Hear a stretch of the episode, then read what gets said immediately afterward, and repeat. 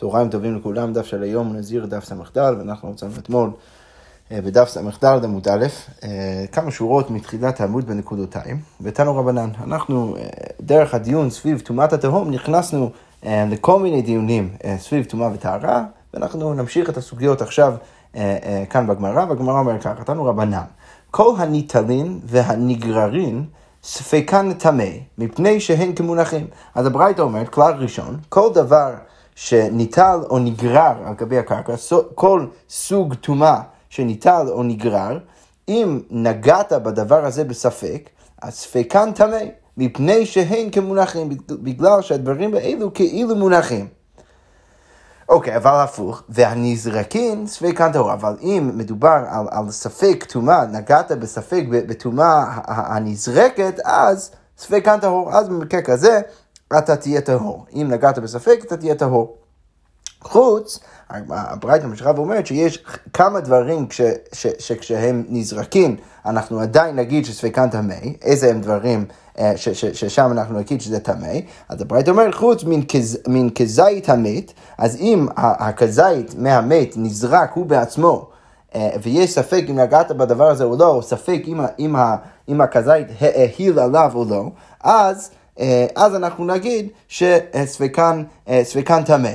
וכמו כן, והמאהיל על פני טומאה, וגם כן בדיוק הפוך, אם לא הטומאה נזרקת, אלא הוא נזרק והוא ספק מאהיל על גבי הטומאה, אז במקרים כאלה אנחנו נגיד שספקן טמא. ממשיכה ברייתא ואומרת, וכל דבר שמטמא מלמעלה אה, כלמטה לעטויי זב וזבה, שגם כן כל דבר, כל סוג טומאה שהוא בעצמו מטמא לא רק את הדבר שהוא יושב עליו ישירות, אלא גם כן מה שמתחתיו, כמו, כמו שהגמרא אומרת, אה, קראנו עכשיו, כמו עזה ועזבה, אז כל הדברים האלו, אפילו אם, אם הם נזרקים עדיין, אנחנו נגיד בהם שספקן טמא. שוב, אני רק קורא את זה כמשפט אחד, אה, אה, אז, אז, אז הנזרקים צפיקן טהור, חוץ מכזית המת, והמאהיל על פני טומאה, וכל דבר שמטמא מלמעלה כלמטה, כל הדברים האלו, אנחנו נגיד אצלם גם כן שצפיקן טמא, לעיתוי זב וזבה, שזה מרבה אפילו את הזב והזבה. אוקיי, עכשיו הרגע הזה הגמרא שואל ככה, באי רבי ברחם, אנחנו יודעים שאם דבר מונח, אז ספקו, ספקו טמא, ואם דבר נזרק, ספקו טהור. אז, אז רבי ברחם, הרקע הזה בא ושואל את השאלה הבאה. מת בכלי, וכלי צף על פני המים. מה? מה קורה אם יש לך מת, שהמת הזה מונח בתוך כלי, והכלי עצמו צף על פני המים. עכשיו, מצד אחד, המת עצמו, אם אתה מסתכל על המת עצמו, אז הוא מונח, כי הוא מונח בתוך הכלי. כאן אגב יש התלבטות בראשונים איך בדיוק לקרוא את זה, אנחנו נפרש את זה על פי פירוש הראש כאן ולא פירוש רש"י, רש"י מפרש אחרת, אבל עקרון אותו דבר. השאלה היא על מה אתה מסתכל. המת עצמו, הוא מונח בתוך הכלי.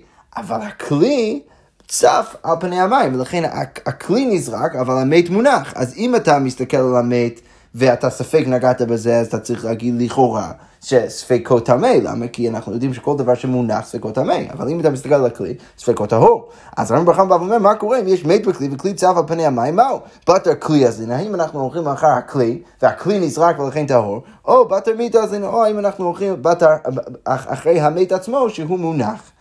והגמרא ממשיכה ואומרת, אם תמצילומה, וכאן יש גם כן בעיה קצת בגרסאות, ראש כראש הפוך, אבל אנחנו נקרא את זה פשוט איך, איך שזה נקרא, איך שזה כתוב בתוך הגמרא כאן. אם תמצילומה בת הכלי, אז הנה, אם רצית להגיד שאתה הולך אחרי הכלי, ששוב, הכלי צף, ולכן הכלי נזרק, ולכן ספקו טמא במקרה, סליחה, ספקו, סליחה, הפוך, ספקו טהור במקרה כזה, אז הגמרא אומרת, אם אתה רוצה להגיד שאתה, שאתה, שאתה הולך אחרי הכלי, ולכן ספקו טהור, מת על גבי שרץ, מה, מה תגיד לגבי מת שמונח על גבי שרץ? עכשיו, לכאורה, אולי יש עוד יותר סברה להגיד שאתה, ש, ש, שהכל נחשב אה, אה, כצף, ו, ו, ולא שיש איזשהו חילוק בין שני הדברים.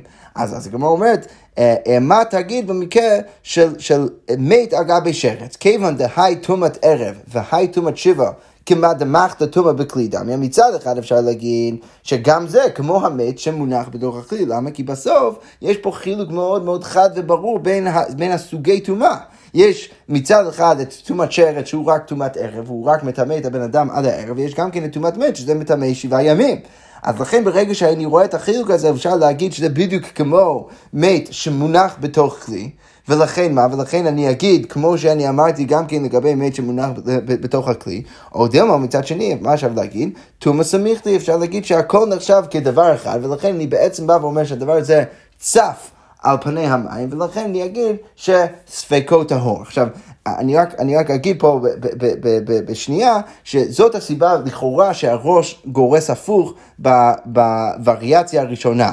סליחה, אם תמצאי לומר ראש, הראש במקום לגרוס אם תמצאי לומר בת הכלי הזה, הוא גורס אם תמצאי לומר לאו בת הכלי הזה, ואז זה יוצא לכאורה יותר הגיוני, למה? כי אם אתה בא ואומר ככה, זה בעצם, אז, אז יוצא שהגמרא אומרת ככה, אם תמצאי לומר לאו בת הכלי הזה, שאנחנו לא הולכים אחר הכלי, אלא אנחנו הולכים אחר המת, ולכן אנחנו נגיד שספקו טמא, בגלל שהמת מונח בתוך הכלי, מה תגיד במקרה שיש לך שני סוגי טומאה, האם אז אתה תגיד שזה עדיין כמו מת מונח בתוך הכלי ואתה הולך אחר המת ולכן ספקות טמא, או האם פתאום עכשיו אתה תגיד שבעצם טומאה אחת על פני המים ולכן אתה יכול להגיד שספקות טהור. עכשיו, אם אתה קורא ככה, זה יוצא לכאורה יותר הגיוני, אבל איך שלא יהיה, אנחנו נמשיך עם הגמרא. אז הגמרא אומרת, ואם תמצאי לא כמעט דמחת בתום בכלי דם, אם אתה רוצה להגיד שאפילו זה, אפילו המת בתוך, המת שמונח על גבי השרץ, זה גם זה נחשב כמת אה, אה, שמונח בתוך הכלי, ולכן אתה כאילו הולך אחר המת שמונח ולכן ספקו טמא, וטמא ודאי, אז מה תגיד במקרה הבא? שרץ על גבי נבלה ונבלה צפה מעל, מה תגיד לגבי מקרה שהשרץ מונח על גבי נבלה והנבלה צפה על פני המים. אז כיוון דתרבה טומאת ערב אינון סמיך לי, אולי פה פתאום אתה, סוף סוף אתה תגיד שזה נחשב כטומאה אחת, למה? כי שניהם זה, זה, זה, זה, הסוג טומאה אצל שניהם זה טומאת ערב, ולכן אפשר להגיד שזה בעצם טומאה אחת שטבע בני המים ולכן ספקות האור, או דילמה הייקה זית והייקה חדשה, אולי אפשר להגיד שבסוף השיעור שונה. למה? כי השיעור שאתה צריך לגעת בו לגבי נבלה זה כזית, ולגבי השרת זה רק עדשה, ולכן ברגע שהשיעור שונה, אז אני עדיין מסתכל על שני הדברים האלו כשני דברים שונים, ולכן לכאורה זה נחשב עדיין כמת מונח בתוך הכלי, ולכן אני אגיד שזה מונח, ולכן אני אגיד שזה, שספקו, שספקו טמא. אז הגמרא אומרת, מה תגיד במקרה כזה? והגמרא אומרת, ואפילו אם אתה תרצה להכריע בשאלה הזו, מה תגיד במקרה הבא?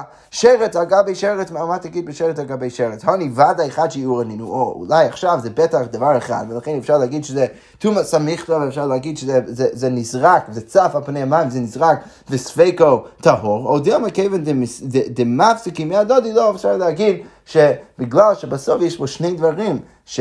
אחד מהם מונח לגבי השני והשני צף, אז אפשר להגיד שבסוף יש פה טומאה שמונח בתוך טומאה אחר, ולכן ספקו טמא. אז, אז, אז, אז הגמרא אומרת, לכאורה גם שם יהיה שאלה, ואם תמצאי לומר שרץ על גבי שרץ, כיוון דמפסיקים מהדודי כמעט דמחתא דמנחה בכלי דמי, אה, ואם אתה רוצה להגיד שאפילו שם, ברגע שהם הם, הם, הם, הם מופרדים אחד מהשני, אז אתה תגיד שזה טומאה שמונח בתוך הכלי, ושוב, ואז אתה תגיד שספקו טמא, מה תגיד במקרה הבא? אז הגמרא אומרת, אפילו אם אתה תגיד שזה כמעט דמנחה בכלי דמי, שרץ על גבי נבלה שנימוכה מה תגיד? במקרה שהשרץ מונח על גבי נבלה והנבלה נימוך בתוך, נימוכה בתוך המים. אז עכשיו הגמרא אומרת, כיוון דנימוכה הבי למשקה, אולי פתאום זה נחשב כמשקה, ולכן ברור שתגיד שהשרת צף על פני המים, ולכן אתה תגיד שהספקות האחרות, דילמה היי אוכלו, או בסוף אולי תגיד שהנבילה זה עדיין אוכל, ולכן אפשר עדיין להגיד שהשרת מונח על גבי הנבילה, ולכן ספקות המים. ואם תמצאי לומר הגמרא משלך ואומרת דדאוך לו, אם אתה תצא להגיד שאפילו במקרה כזה זה אוכל, שרץ אגבי שכבת זרע, מה מה תגיד לגבי שרץ אגבי שכבת זרע? ואם תמצאי לומר כיוון דמתעקרא הבי לקי אוכלה, ואם אתה רוצה להגיד שאפילו שכבת זרע זה נחשב כאוכל, ולכן השרץ מונח על גבי זה, ולכן זה נחשב כמונח, ולכן צבקו טמא, אז מה תגיד במקרה הבא? שרץ על גבי מי חטאת. ומי חטאת צפין על גבי המים, מה תגיד במקרה הכי קיצוני, יש לך שרץ שמונח על גבי מי חטאת, והמי חטאת צף על גבי המים ממש. אז עכשיו אתה עדיין תגיד, האם אתה עדיין תגיד שה, שהשרץ מונח בתור כלי ולכן ספקות טמא, או האם פתאום, או סוף סוף שם אתה תגיד שבאמת ספקות טהור, כי זה, זה נחשב כאילו השרץ עצמו צף על גבי המים. התגמר אומרת, לא ידינן תיקו, אנחנו לא יודעים עד הסוף איך לענות על כל השאלות האלה, ולכן תיקו. אבל זה ברור מאוד שה, שהנטייה של הגמרא כל פעם זה להגיד ש, שזה כאילו מונח בתור כלי, ולכן כל עוד זה מונח בתור כלי, אז אם אתה מסתכל על הדבר הזה, אז אתה תבוא להגיד ש, אה, שספקו טמא. טמא. אבל בסוף אנחנו uh, מסיימים את הסוגיה עם תיקו, uh, לא ברור עד הסוף איך לענות על כל השאלות. אוקיי, עכשיו אנחנו עוברים אה, אה, למם רבה של רב. אנחנו כבר ראינו כמה וכמה פעמים איזושהי השוואה בין נזיר ועושה פסח, והגמר אומר ככה, אמר רב הונא, אמר, סליחה, אמר רב המנונה, אה, נזיר ועושה פסח, שהלכו בקבר התהום בשביעי שלהם טהורים. אוקיי, עכשיו, מה המקרה? יש לך נזיר, יש לך אה, אה, בן אדם אה, שרוצה לעשות קורבן פסח, ש, ש, ששניהם אה, היו טמאים לקראת המאורע. אז הנזיר כבר היה נזיר והוא נהיה טמא. אה, איכשהו באמצע הנזירות שלו, והוא בסוף תהליך אה, טהרה שלו, ובן אדם גם כן עושה פסח, בן אדם ש, שהיה טמא לקראת קורבן פסח וטיהר את עצמו, הוא בסוף תהליך הטהרה שלו, וביום השביעי הוא נטמע בקבר התהום. הוא, הוא הלך במקום שיש שם טומאת התהום ביום השביעי, אז רב המנונה בא ואומר ששניהם טהורים. עכשיו, מה בדיוק המקרה? אז רש"י מסביר שמדובר על מקרה אחרי הקורבן פסח ואחרי שהנזיר כבר סיים את הנזירות שלו. עכשיו הוא גילה שמה קרה? הוא גילה שכשהוא עוד היה טמא והוא עוד היה ביום השביעי שלו, שהוא הלך על גבי הקבר התהום, אז רב נונה מכריע ואומר שעדיין הכל בסדר גמור, למה? כי כל עוד הוא כבר עשה את כל תהליך הטהרה שלו, והוא הביא את כל הקורבנות שלו, הוא הביא את הקורבן פסח, הוא לא צריך לחזור ולעשות את זה שוב. הגמרא אומרת, מהי טיימה? דלא אלימה טומאת התהום למסתר, כי הרי טומאת התהום זה לא מספיק חזק כדי לסתור, לסתור בשבילו את כל הימים. אז, אז כמובן שהניסוח כאן אה, של רב המנון הוא ניסוח של נזיר, אבל זה שייך גם כן לא עושה פסח. שרב המנון בעצם בא ואומר שטומאת התהום שהוא, שהוא עבר על גביו ביום השביעי הוא לא מספיק חזק כדי לסתור לו את הימים, לסתור לו את הנזירות ולחייב אותו בפסח שני. אני, אני רק קורא כאן מרש"י, רש"י בא ואומר, רב המנונה, אה, אה, אמר רב המנונה, נזיר ועושה פסח שהלכו בקרב התהום בשביעי שלהן טהורים, רש"י אומר, ואף אגב דניתמו בשביעי שלהן, דלא עלימה הך טומאת התהום למסתר הו, וכבר עבר וניתן לכשנטמע בטומאת התהום. ולכן בדיוק כמו שהסבירה הגמרא, אז, אז רש"י בא ואומר אותו דבר. אוקיי, יפה מאוד. עכשיו, אבל לגבי זה הגמרא אומרת, מה תברא ורב בא ומקשה, ירד לי טהר מטומאת המת. טמא, שחזקת טמא טמא, שחזקת טהור טהור. הרי מה ראינו בתוך המשנה רב אבא אומר? ראינו מפורש במשנה, לכאורה אתה לא קורא במנונה. למה מה ראינו? ראינו שאנחנו תמיד הולכים אחר חזקה. עכשיו, מה הכוונה אחר חזקה? אם בן אדם ירד לאיזשהו מערה כדי לטבול, והוא כבר היה טמא, ומסתבר שהוא גילה אחר כך שהיה שם טומאת התהום, אז מה אנחנו אומרים? אנחנו אומרים שבגלל שהיה לו כבר חזקת טומאה, אז צריך להגיד שהוא עדיין טמא, הוא לא, לא טיהר את עצמו מה, מהטומאה הזאת בגלל שהיה שם טומאת התהום, ואנחנו הולכים אחר חזקה. עכשיו, במקרה שלנו, של רב המנונה, מה בדיוק המקרה? מדובר במקרה שנזיר כבר טמא, ושהבן אדם שהולך לעשות את קורבן פסח הוא כבר טמא. עכשיו, ברגע שאני יודע שהוא כבר טמא, וביום השביעי שלו, אז מה אני אומר? אני, אני, אני אומר שהוא הלך על גבי טומאת התהום, אז ברור שהוא צריך להמשיך להיות טמא, כי אנחנו יודעים שטומאת התהום זה אומנם לא מספיק חזק כדי לסתור לו את הנזירות, אבל ברור שזה מספיק חזק אם הוא כבר טמא ויש, ויש לו חזקת טומאה, להמשיך את הטומאה שלו. אז רבא בא ואומר לקרוא משהו במפורש במשנה דלא קרבה מנונה. הגמרא אומרת, אמר לי רב נונה חוזר ואומר לרבא, מודינה לך בנזר שמחוץ לתגלחת. אז רב נונה בא ואומר, לכן נמי, באמת, אני מודה לך במקרה של הנזיר. באמת במקרה של הנזיר, כמו שראינו במפורש במשנה, שבגלל שהוא מחוץ לתגלחת, והוא עומד ביום השביעי שלו, אחרי שהוא נטמע בתוך הנזירות שלו ועוד לא התגלח, עוד לא הסתפר בסוף התהליך הטהרה שלו, אז שם אני מודה, אם הוא עבר על גבי טומאת התהום, אז ברור שזה ממשיך את הטומאה שלו וזה סותר לו את כל ימים. אבל לכאורה מה משהו מזה שבקורבן פסח אני לא מודה לך. אז רבא בא וחוזר ואומר לרב מנונה, אמר לי רבא, אב אנא מודין לך בעושה פסח. אז רבא אומר לך מעולה. אז כל מה שהקשיתי אני רק הקשיתי מנזיר, אבל אתה יודע מה? אני מסכים איתך לגבי עושה פסח, ולכן אין שום מחלוקת בינינו. אתה מסכים איתי בנזיר, אני מסכים איתך בעושה פסח. נמשיך בגמרא, אמר לי רבא, אף אנא מודין לך בעושה פסח דלא מחוצה ולא כלום. כי הרי עושה פסח הוא לא מחוצה ולא כלום. זה לא שיש פה בן אדם שצריך לעבור עוד איזשהו תהליך של טהרה, הוא כבר ביום השביעי שלו, הוא רק מחכה עד סוף היום, שתכף אנחנו נקשה את הדבר הזה בעוד שנייה, אבל לכאורה כרגע הוא רק צריך לחכות זמן עד סוף היום, ואז הוא נהיה טהור, הוא לא צריך להביא קורבנות, לא צריך להתגלח, לא צריך להסתפר, הכל בסדר גמור, ולכן ברור שהבן אדם הזה הולך על גבי טומאת הדם ביום השביעי, אז הכל בסדר גמור. אז הוא אומרת, רגע, האם זה באמת נכון שהוא לא מחוסר ולא כלום? הרי ברור שהוא לא מחוסר תגלחת כמו שהנזיר שנהיה טמא מחוסר תגלחת ביום השמיני הוא צריך להסתפר ואז להתחיל כל הנזירות שלו מחדש, זה אנחנו יודעים. אז ברור שיש איזשהו חילוק ביניהם, אבל מה, איך אתה יכול להגיד שביום השביעי הוא לא מחוסר ולא כלום? אמר לי אביי, אביי בא ואומר, והוא מחוסר הערב שמש, הרי ברור שהוא מחוסר משהו, הוא מחוסר הערב שמש.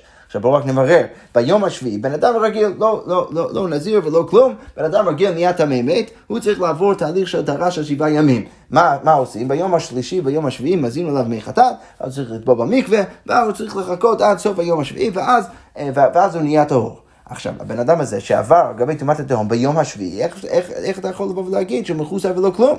הרי הוא מחוסר הערב שמש, הוא צריך לחכות עד השקיעה, ורק אז הוא נהיה טהור. אז ביי בא ואומר, אתה יכול להגיד שהוא, שהוא מחוסר ולא כלום. אז הגמרא אומרת, אמר לה, אז רבא חוזר ואומר לאביי, שמשם ממילא ארבע, זה לא נחשב כמחוסר משהו. למה? כי אני יודע שכל יום ביום השמש שוקעת, הוא, הוא יודע שהדבר הזה הולך לקרות, הוא לא מחוסר אה, אה, משהו משמעותי, כי השמש ממילא ארבע, ממילא השקיעה תבוא, והכל יהיה בסדר גמור, ולכן, שוב, אם הוא, לגבי העושה פסח, אם הוא עבר לגבי טומאת התהום ביום השביעי, הכל יהיה בסדר גמור. הגמרא אומרת ומאירה, אביי שלכאורה חלק על רב אמנונה ורבא ואמר שאפילו בעוץ הפסח לכאורה הוא מחוזר משהו, הגמרא אומרת אף אביי עוד הרבה, גם אביי חזר בו במה שהוא אמר. מאיפה אנחנו רואים שאביי חזר בו במה שהוא אמר? דתני כתוב בברייתא, וכאן אנחנו נכנסים להקשר של היולדת. אנחנו יודעים שהיולדת בין זכר בין נקבה, אז, אז יש לה כמות מסוים ש, ש, של ימים על פי התורה, שבהם היא, היא טהורה, או כל דם שהיא לא תראה, אה, יהיה דם של, של דם טוהר, דם של טהרה, ואז בסוף הימים האלו היא חייבת להרכיב אה, כל מיני קורבנות, אה, אחרי שהיא ילדה את, את, או זכר או נקבה. שוב, לזכר זה יהיה 40 יום, ולנקבה זה יהיה 80 יום. עכשיו, הברייתא עכשיו נכנסת לשאלה מה קורה אם, רחמנא ליצלן, בתוך הימים האלו היא נכנסה שוב להיריון והפילה ולד. האם הוולד הזה מחייב אותה סט של קורבנות מחדש, בנוסף לסט של קורבנות שהיא חייבת להקריב על הילד שהיא הולידה לפני כמה ימים, או האם אנחנו באים ואומרים שברגע שהיא עוד לא יצאה מהתקופה ש, ש, שבה היא עדיין שומרת על הימים מאז הלידה הראשונה, אז, אז אנחנו גם כן לא מחייבים אותה בסט של קורבנות אה, מחדש. אז הברייתא אומר ככה, יום מלות תביא, תוך מלות לא תביא. אז הברייתא אומרת כלל מאוד מאוד פשוט. אם היא הפילה ולד ביום מלוד, מה זה יום מלוד? אז יום מלוד, נגיד לנקבה זה יהיה ביום ה-81, ביום שהיא מסיימת את התקופה, אז במקרה כזה היא חייבת להביא עוד סט של קורבנות. אבל בתוך מלוד, אבל לפני היום ה-81, לא תביא, היא לא חייבת להביא עוד סט של קורבנות, כי כל עוד היא לא הגיעה ליום שבו... אה, שבו ראוי לה להקריב את הקורבנות שלה, אז אנחנו לא יכולים להגיד שעכשיו היא חייבת שוב. ולכן אם היא הפילה לפני היום ה-81, שזה בעצם היום ש, ש, שבו היא מקריבה את הקורבנות שלה, אז אנחנו לא נחייב אותה עוד קורבנות. אוקיי, ממשיכה אבל הברייתא ואומרת, יכול לא תביא על לידה שלפני מלות, אבל תביא על לידה שלאחר מלות ותיפטר משניהן. אז, אז הגמרא אומרת, אולי אתה תחשוב שמה? שמה שפטרתי לאישה מה, אה, אה, מהקורבנות זה רק על ההפלה הראשונה שלה. בוא נגיד אישה ילדה נקבה, ואז היא הפילה רחמנא ליצלן אה, ולד ביום השבעים. אז אולי היית חושב שדווקא שם היא פטורה, יכול לא תביא על לידה של לפני מלות, אבל תביא על לידה של לאחר מלות ותיפטר משתיהן, מה הכוונה? שאם אז היא הפילה ולד תוך השמונים של ההפלה שלה, אז היא הפילה שוב, רחמנא ליצלן, אולי אתה תחשוב שבמקרה כזה היא גם כן תהיה פטורה, תלמוד לומר, ובמילות ימי טהרה. ביום מלות תביא, תביא, תוך מלות לא תביא. והברייתא לומדת מזה שהיא חייבת על ההפלה השנייה, אבל רק לא חייבת על ההפלה הראשונה. אוקיי, okay, אבל על, על, על גבי הברייתא הזאת יש לכאורה שאלה, כי השאלה היא, מה בעצם החילוק בין הקורבן שהיא לכאורה הייתה יכולה להיות חייבת בה ואנחנו פוטרים אותה ממנה, אה, ממנו אה, מההפלה הראשונה, לבין הקורבנות של ההפלה השנייה. הרי אצל שניהם זה הפלה, למה שפה אנחנו נפסור ופה אנחנו נחייב? אז על זה רב כהנא בא לתרץ ואמר ככה, ואמר רב כהנא, שאני הכה דמחסר קורבן. לגבי ההפלה הראשונה, היא מחוסרת קורבן. מה הכוונה מחוסרת קורבן? היא מחוסרת זמן של הקורבן. מה הכוונה? ש, ש, שאם היא הפילה תוך מילות של הוולד הראש, הראשון שלה, אז יוצא שהיא אפילו לא הגיעה ליום, כמו שהסברנו לפני כן, היא לא הגיעה ליום שבו היא בכלל ראויה להקריב את הקורבנות שלה, לא הגיעה ליום ה-81, ולכן מה אנחנו נגיד? אנחנו נגיד שהיא לא יכולה להיות עכשיו חייבת, מחויבת בעוד קורבן. אבל לגבי הפלה שנייה, שלכאורה אנחנו נגיד שהיא תהיה מחויבת אפילו אם היא תפיל ביום ה-81, שם אנחנו נגיד שהיא מחויבת שוב. למה? כי שם היא לא מחוסרת קורבן, שם היא מחוסרת, היא לא מחוסרת כלום לכאורה. רב, רב כהנא בא ואומר למה? כי היא הגיעה ליום ה-81, זה כבר היום ש, שראוי בו אה, להקריב את הקורבנות שלה, הכל בסדר גמור, היא טהורה לגמרי, ולכן באותו היום אם היא מפילה, אז היא חייבת להקריב עוד קורבן. עכשיו, על גבי זה הגמרא הקשתה רב כהנא ואמר, רגע, האותם נמי, למה אתה בא ואומר שבהפלה השנייה ביום ה-81 אה, אה, למה אתה בא ואומר ששם היא תהיה חייבת שוב? הרי שם היא עדיין מחוסרת משהו, אולי היא לא מחוסרת קורבן, אבל הטם נמי מחסר הערב שמש. הרי היא, היא, היא עדיין לא טהורה לגמרי, היא חייבת לחכות עד סוף היום ה-81. איך אתה יכול לבוא ולהגיד שהיא טהורה לגמרי, לכן היא מחויבת לקורבן? הטם נמי מחסר הערב שמש, הגמרא אומרת. עכשיו, על גבי זה, מה אמר אביי? אמר לי אביי, אביי בא ואמר, שמשם ממילא ארבע. השמש הערב שמש לא נחשב כחיסרון. השמש אה, שוקע, הוא בעצמו, החמה שוקעת, היא בעצמה, ולכן אפשר להגיד ששמשם ממילא ערבה, השקיעה תבוא ממילא, ולכן אפשר להגיד שזה לא נחשב כחיסרון אה, ולא כלום. עכשיו, מכל זה הגמרא רק רוצה להשיג שאביי חזר בו במה שהוגשה הרבה. אה, אביי בא והקשה הרבה ובא ואמר שהרי במקרה של הבן אדם, העושה פסח, שהיה טמא ביום השביעי, הרי הוא גם מחוץ למשהו, מחוץ להערב שמש. והרב אמר, לא, אי אפשר להגיד את זה, למה? כי, כי, כי השמשה ממילא ארבע, השמש ממילא אה, אה, שוקע.